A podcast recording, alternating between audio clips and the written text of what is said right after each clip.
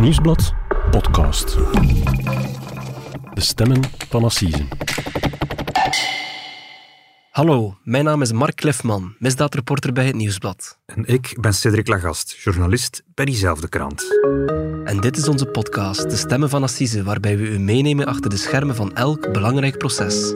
En dit keer hebben we het over de moord in de Anjerstraat. Speurders moesten achterhalen wie Kevin van Gelder om het leven bracht. En daarbij kregen ze hulp uit onverwachte hoek.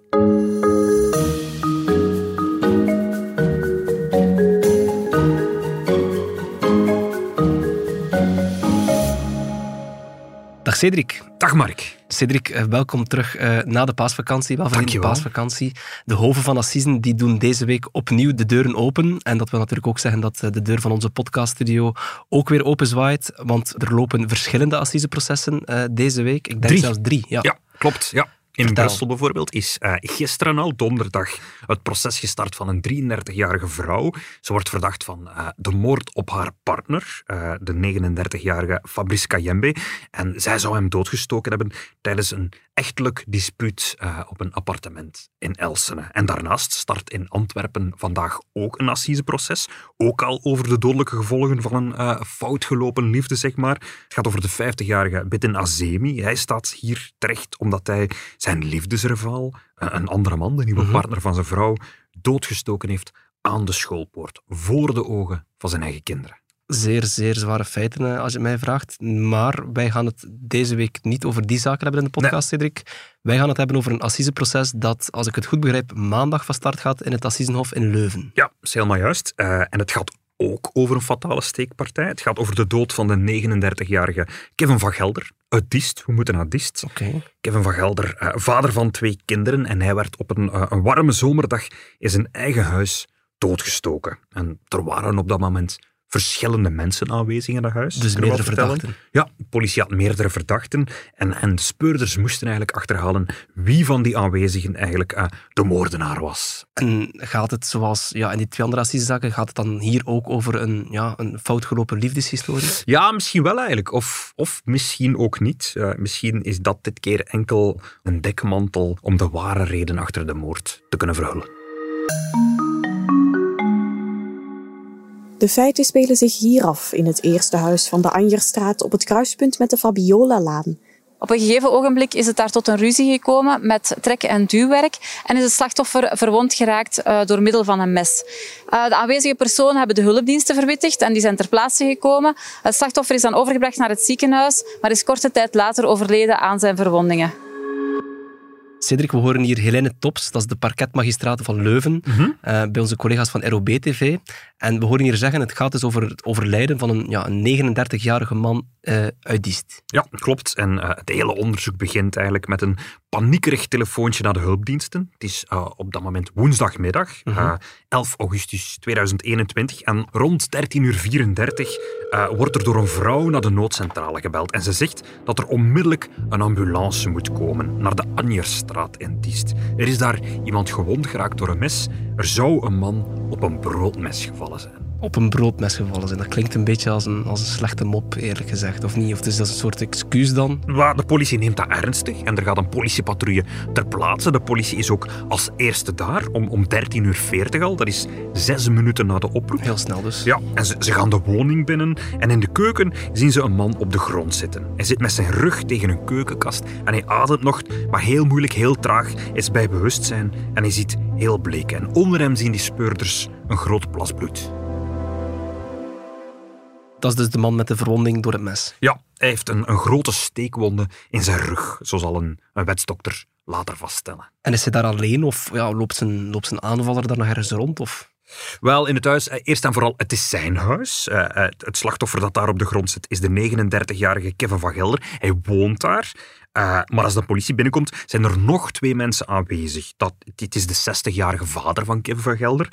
Die is daar ook. En er loopt nog een vrouw rond, een zekere Alice. Dus als ik het goed begrijp, volgens de oproep bij de hulpdiensten is Kevin van Gelder ja, op dat broodmes gevallen, wat wel een, ja, een zeer uitzonderlijk toeval Dat is. zou een, een uitzonderlijk toeval zijn. En, en de twee agenten die binnenkomen, ja, die zien onmiddellijk ook dat dat toch wel zeer onwaarschijnlijk is. Dat mes zien ze ook niet onmiddellijk liggen daar in die keuken. Het ziet er eigenlijk eerder uit als een steekpartij, concluderen ze. En dat wordt eigenlijk ook uiteindelijk door het slachtoffer aan Enzo vertelt dat het een steekpartij is. Ah, dus die, die man die kan op dat moment nog praten, die is nog bij bewustzijn om, om een uitleg te geven aan de politie. Maar een uitleg is, is veel gezegd, want hij is zwaar gewond, hij kan moeilijk ademen. Hij kan eigenlijk alleen nog maar fluisteren. En eigenlijk met zijn, met zijn laatste krachten, zeg maar, kan hij eigenlijk nog één zinnetje uitbrengen en daarmee wijst hij de dader aan. Hij zegt, Bari heeft het gedaan. En, dan zakt hij in elkaar. Hij kan niks meer zeggen. Hij wordt nog naar het ziekenhuis overgebracht. Maar daar kunnen ze eigenlijk twee uur later alleen maar vaststellen dat ze niks voor hem kunnen doen en dat Kevin van Gelder overleden is.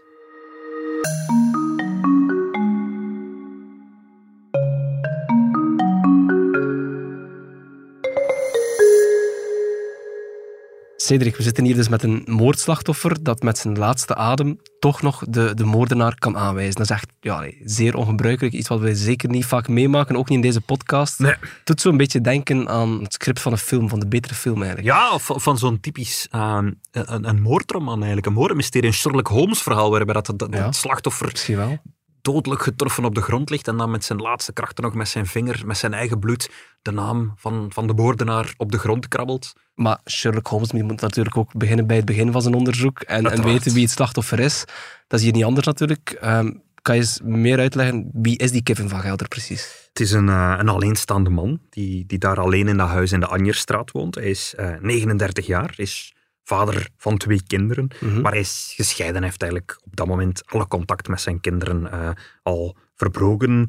Eh, ja, en is eigenlijk een beetje afgegleden eh, in de samenleving, zouden we kunnen zeggen. Hij is al geruime tijd werkloos. Beetje op de dool. op de dool, hij heeft weinig sociale contacten, weinig vrienden eigenlijk ook. Zelfs met zijn familie, met zijn broer is het contact een beetje verwaterd. En uit het onderzoek van zijn lichaam zal later blijken dat hij eigenlijk al lange tijd zwaar teruggebruik Ja. vertoont. Klinkt inderdaad een beetje als iemand ja, die, die meer aan de, aan de rand van de maatschappij zit.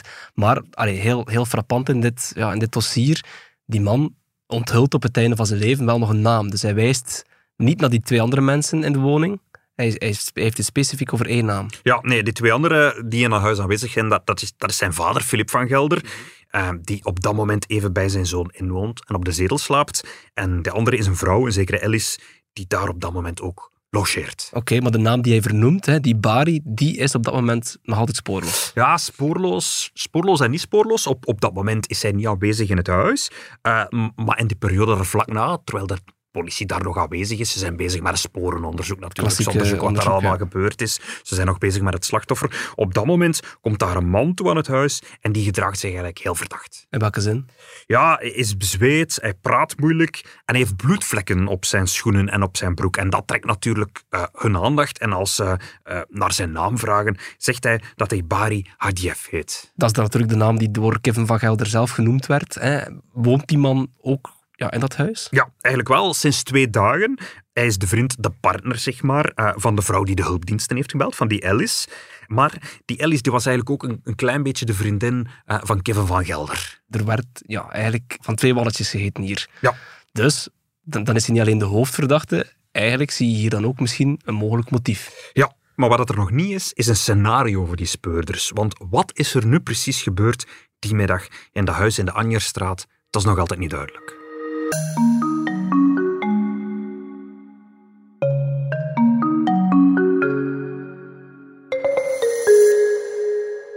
Cedric, we zitten hier met een slachtoffer die zelf de dader heeft aangewezen. Een dader die, die zichzelf heeft aangeboden met een bloedvlek op zijn broek. Ja, case closed, denk ik dan.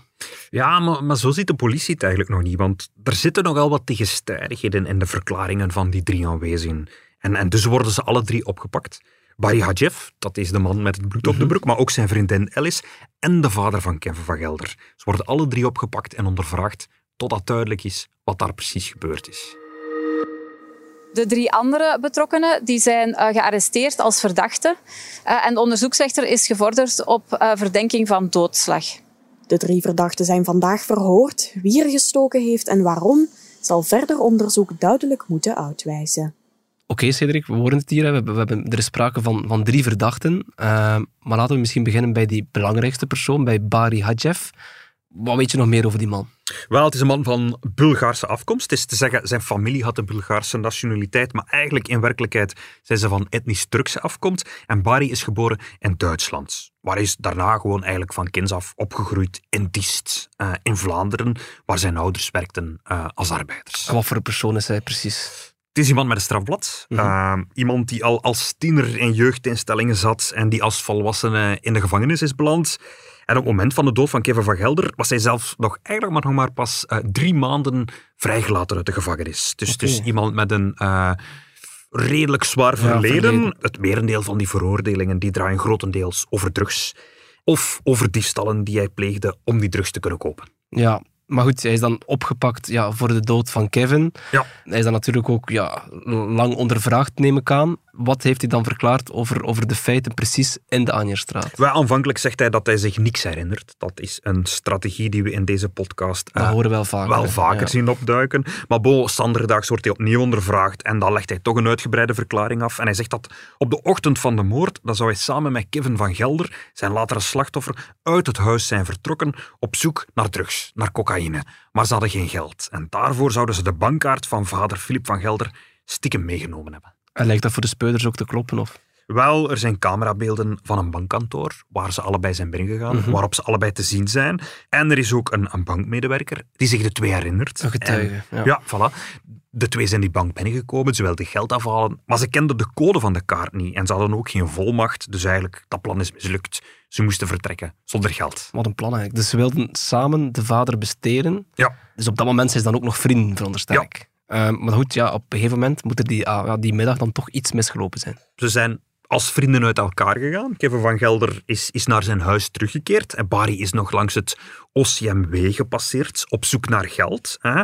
Maar ook daar heeft hij bot gevangen. En uiteindelijk uh, arriveert hij een beetje later dan Kevin van Gelder opnieuw aan het huis. En daar komt het uiteindelijk tot een ruzie. En waarover dat die ruzie ging, daarover lopen de versies uiteindelijk heel erg uiteen. Maar op een heel korte periode is er dan ja, daar in die woning heel veel gebeurd. Ja, en hoe we het nu een beetje kunnen reconstrueren is dat op het moment dat Barry terug aan dat huis komt, volgt er eigenlijk een confrontatie met de vader van Kevin van Gelder. Want die vader heeft ondertussen door dat zijn bankkaart gestolen is en hij kijkt daarvoor naar Barry en Barry ontkent aanvankelijk dat hij daar iets mee te maken heeft. Maar op het moment dat die twee mannen voor het huis met elkaar in gesprek zijn, begint het gsm-toestel van de vader te rinkelen en die zit in de broekzak van Barry, want hij heeft niet alleen die bankkaart gestolen, hij heeft gestolen. ook het gsm-toestel gestolen. Die vader erkent zijn eigen ringtoontje natuurlijk. En, en, en Barry moet toegeven, ja dat klopt, kijk, ik heb uw gsm-toestel bij mij. En, en ja, het, het, is dan op dat moment ook meteen vrij duidelijk dat hij ook de bankkaart op zak zal hebben. Het is wel een zeer onhandige situatie voor Barry op dat ja. moment. En, en Barry vertelt aan de politie dat daarna eigenlijk ook tot een ruzie met Kevin van Gelder komt. Dat Ja. Kevin van Gelder hem eigenlijk aan de deur zet omdat hij zogezegd boos is over de diefstal van die bankkaart. Nu, we weten ondertussen... wel samen op pad. We weten ondertussen dat Van Gelder mee achter die diefstal zat. Dus ah, misschien wil hij op dat moment vooral verhinderen dat zijn vader dat te weten zou komen. Maar bo, het komt tot de ruzie. Barry beweert dat Van Gelder hem daarvoor heeft aangevallen met een houten knuppel en dat hij naar een mes heeft gegrepen om zich te verdedigen. Het is toch een beetje een gekke situatie, vind ik. Eh, Dus je hebt dus ja, twee vrienden die eerst samen een, een, een bankkaart nemen en een rekening proberen te plunderen. En even later ze dan terug in de woning en dan ja, zijn ze aan het vechten en zijn ze aan het over elkaar aan het rollen. Ik blijf nogal zitten met de situatie van die, van die vrouw, van die Alice. Heeft zij daar toch niet meer mee te maken? Dat denkt Barry tijdens dat verhoor ook. Hij, hij, zegt dat hij al lange tijd samen is met Alice, maar heeft een, een tijdje in de gevangenis gezeten. En in die periode zou Alice stiekem ook al een relatie zijn begonnen met Kevin van Gelder. Toen dat hij terug uit de gevangenis kwam, is dat uitgepraat. Uh, de drie zijn gewoon vrienden gebleven. Maar bo, nu waren Kevin en Alice opnieuw naar elkaar toegegroeid. Alice had al aan de politie verteld dat ze inderdaad sinds twee dagen ook opnieuw een relatie had met Kevin van Gelder. En Barry meent dat Van Gelder de ruzie vooral eigenlijk geanceneerd heeft om Alice weer voor zich te kunnen winnen. Toch een serieuze liefdesintrigue, vind ik. Ja, maar wat dat precies de aanleiding was, ja, daar zal in de rechtszaal, denk ik, in de assise zal toch nog een hartig woordje over gesproken Ja, moeten denk worden. ik ook wel. Maar hoe dan ook, Bari bevestigt dat hij Van Gelder heeft neergestoken en dus de twee anderen worden vrijgelaten. Zijn vader en Alice, die mogen vertrekken, die mogen beschikken, die worden niet langer verdacht eh, van de moord. En, en, en Bari lijkt op dat moment de ernst van de hele situatie nog niet in te zien, want die zitten samen opgesloten in een politiecel. En eh, als hij ziet dat zijn vriendin Alice wordt vrijgelaten, roept hij nog vanuit zijn cel naar zijn vriendin, die hij naar de uithang ziet wandelen. Alice, tot zeffes, ik kom straks naar u. Oei, Want ja. hij beseft nog niet dat hij voor jaren de gevangenis in zal gaan.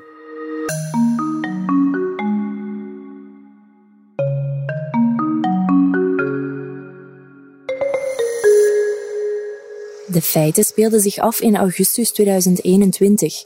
Bij een hevige ruzie steekt de beklaagde het slachtoffer neer. De man van 39 overlijdt ter plekke. De zaak komt nu voor assise. De beklaagde staat dus terecht voor moord. Het proces zal wellicht vier dagen in beslag nemen. Cedric, we hier een laatste audiofragment van onze collega's van ROB-TV. Dus het, het proces tegen Bari dat start deze week in, in Leuven. En als ik het goed begrepen heb, hij zegt dus in zijn verklaringen, hè, in het onderzoek zegt hij van kijk, ja, ik heb een mes gegrepen omdat Van Gelder met een houten knuppel zwaaide. Dat klinkt een beetje als voer voor de verdediging. Ja. Nu, voor alle duidelijkheid, Bari Hadjev staat vanaf volgende week terecht voor moord, doodslag met voorbedachte raden. Maar zijn advocaten vragen eigenlijk om dat te herkwalificeren, om die kwalificatie te herzien. Om die voorbedachtheid weg te krijgen. Ja, meer nog. Volgens de advocaten gaat het hier om slagen en verwondingen zonder het oogmerk om te willen doden, maar met de dood tot gevolg. Dat is een hele mond vol, maar het, het komt er eigenlijk gewoon op neer. Heeft hem Mhm. Toegetakeld, ja. er is ruzie geweest, heeft hem geslagen, hij is gestorven, maar dat was nooit de bedoeling. Hij wilde heeft niet dat hij nooit doodging. de intentie gehad om hem te doden. Dat is natuurlijk een veel lichtere kwalificatie, waarop een veel lichtere straf staat. 10 jaar cel of als het geweld met voorbedachte raden gebeurde, 15 jaar cel. Dat is heel wat minder als je voor moord veroordeeld wordt. Dat riskeer je levenslang. Nu, de Raadkamer in Leuven en later ook de KI in Brussel, die hebben dat verworpen. Die zien dat er wel degelijk aanwijzingen zijn dat er een oogmerk was om te doden. Maar het laat zich raden, Mark, eh, dat de advocaten op dit proces dit nog eens zullen opwerpen en aan de jury zullen vragen om hem alleen voor slagen en verwondingen te veroordelen. Kan wel een boeiende discussie worden, denk ik, op het proces. Nu, wie, wie, wie zijn die advocaten? Zijn advocaten zijn meesters Michiel van Kelekom. Dat is, Die een, naam kennen we. dat is een advocaat die al vaker voor racisme heeft gepleit. Onder meer was hij de advocaat van eh Philip Loots. Dat is een aantal jaar geleden een, een assiseproces in Limburg geweest over een, een zoon die zijn beide ouders heeft vermoord. En hij wordt bijgestaan door Els Juris. Oké. En wie is de aanklager in deze zaak? De openbare aanklager in, in Leuven is deze keer Anne de Kat. En de voorzitter is, zoals zo vaak in Leuven, Peter Hartog, die we ondertussen kennen van het tv-programma Recht naar de gevangenis.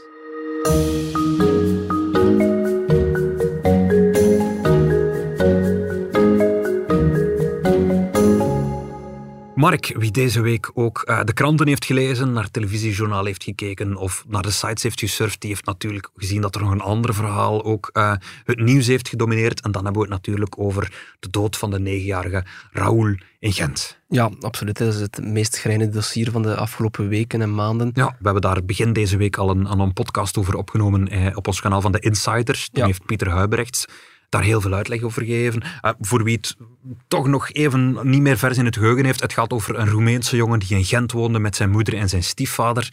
En die blijkt maanden geleden al eh, eigenlijk door die stiefvader om het leven zijn gebracht. Of door zijn moeder. Of door zijn Dan moet moeder. het onderzoek nu verder uit. Maar hij is uiteindelijk eh, in een sportzak in het water gegooid. En pas na maanden is dat allemaal aan het licht gekomen. Ja. Dat er eigenlijk familie van de jongen vanuit Duitsland alarm heeft geslagen. Nu, jij hebt daar ook heel veel tijd in gestoken deze week. Jij bent naar Nederland geweest, Mark. Ja, ik ben maandag naar Nederland geweest. Dus het is eigenlijk zo. Dus, eh, de- vorige week al werd de moeder eh, van Raoul opgepakt en die is aangehouden. Maar de stiefvader die was op dat moment altijd spoorloos. Mhm. En die is vorige week vrijdag, s'avonds, laat rond een uur of tien, is die opgepakt in het Nederlandse Bakel. Dat is in, in Noord-Brabant, boven Eindhoven is dat. Mhm. En ik ben daar maandag eens naartoe gereden, eh, omdat hij is opgepakt in een recreatiepark. Je moet je dat voorstellen, dat is een Een soort vakantiepark, inderdaad, een camping met 350 chalets. En in een van die chalets, eh, daar verbleef hij sinds, sinds maart. En je hebt die chalet gevonden. Ja, ik heb die chalet gevonden. Ik heb er ook gesproken met zijn, met zijn schoonbroer. En eh, die heeft mij verteld hoe, ja, hoe hij afgelopen vrijdag gewoon in de zetel in de chalet zat. En dat dan, ja, plots is daar de politie binnengestormd om de stiefvader, hè, dus om Nico, eh, te arresteren. Maar die schoonbroer wist zelf ook van niets. Die had niet in de gaten waarom. En dan bleek dan achteraf waar zijn schoonbroer dan van verdacht wordt. Dus die mensen zijn daar helemaal niet goed van. We hebben ook contact gehad met de, de zus van de stiefvader in Roemenië. En die viel ook compleet uit de lucht. En ja, die, die distanceert zich nu volledig uh, van haar broer natuurlijk, omdat ja, hij wordt van gruwelijke feiten verdacht. Dus zij hebben niets meer met, die, met die man te maken. Ze zijn even hard geschrokken als wij hier allemaal in Ja, zoals iedereen. Ja, absoluut. Ja. Oké, wat gaat er nu met Nico gebeuren? Wel, dus Nico is, uh, dus ook maandag is zij in Nederland, voor, in Amsterdam was dat, is zij voor de officier van justitie voorgeleid. Dat is een beetje, zoals, een beetje vergelijkbaar met, een, met de onderzoeksrechter hier. Mhm. En die heeft dan beslist om hem langer aan te houden. Maar ook, heel belangrijk in, in dit stadium is van, ja, België vraagt zijn overlevering naar ons land. Mhm. En de vraag was, zal hij zich daar tegen verzetten of niet? En hij, zijn advocaat heeft nadien duidelijk gemaakt dat hij zich daar niet tegen verzet. Hij is bereid om naar België Hij is te komen. bereid om naar België te komen en hier mee te werken aan het onderzook. Maar wil dat ook zeggen dat hij bekend dat hij dat gedaan heeft? Wel, dat weten we dus niet. hè. Zijn advocaat bleef daar afgelopen maandag nog serieus ja, op de vlakte over. Het enige wat hij wilde zeggen is van kijk, hij werkt mee aan het onderzoek en hij verzet zich niet tegen zijn uitlevering. Dus in principe binnen de tien dagen kan hij dan overgeleverd worden aan ons land. En dan zal het onderzoek hier ook, ja, echt wel eh, ja, vooruit gaan kennen. Hè, want dan kunnen de Belgische speuders hier in Gent hem ook gaan ondervragen en dan hopelijk komen, ja, komen op die manier meer te weten wat er precies met Raoul is gebeurd. Oké, Mark. Ook alweer een verhaal dat wij zullen opvolgen op de krant, op onze ja. site en eh, op ons Instagram-kanaal. Dank je wel om dit ook even toe te lichten. En om af te sluiten, Mark, eh, zijn wij contractueel verplicht om ook even wat reclame te maken. Niet voor sexting, maar wel voor de grote podcasting. Het Nieuwsblad is namelijk op zoek naar nieuw podcasttalent en we zoeken jonge podcastmakers eh, die eigenlijk graag een podcast willen maken en wij willen hen daarin in begeleiden. En heel concreet zullen we eind mei de vijf beste voorstellen, de vijf beste ideeën eruit halen en die zullen wij begeleiden om samen met het Nieuwsblad een podcast te maken. En de beste van die vijf podcasts, die wordt uiteindelijk op het podcastfestival van onze collega's van de krant De Standaard verkozen, gehuldigd, gelauwerd en in de bloemetjes gezet. Voilà. En die persoon mag een volledige podcastreeks maken. Meedoen dus. Ja, je kan je inschrijven via de website van het Nieuwsblad of via de app. Cedric, ik denk dat we daarmee aan het einde van onze, van onze podcast zijn gekomen. Volgende week zijn we er terug met een nieuwe aflevering van de Stemmen van Assisen. Absoluut. Tot volgende week, Mark. Tot volgende week. Dit was De Stemmen van Assisen, een podcast van het Nieuwsblad. De stemmen waren deze week van Mark Cliffman en van mezelf, Cedric Lagast. Onze dank gaat uit naar ROB-TV voor het gebruik van enkele geluidsfragmenten. De montage gebeurde door Benjamin Hertogs van House of Media en de productie was in goede handen bij Bert Heijvaart en Joni Keimolen.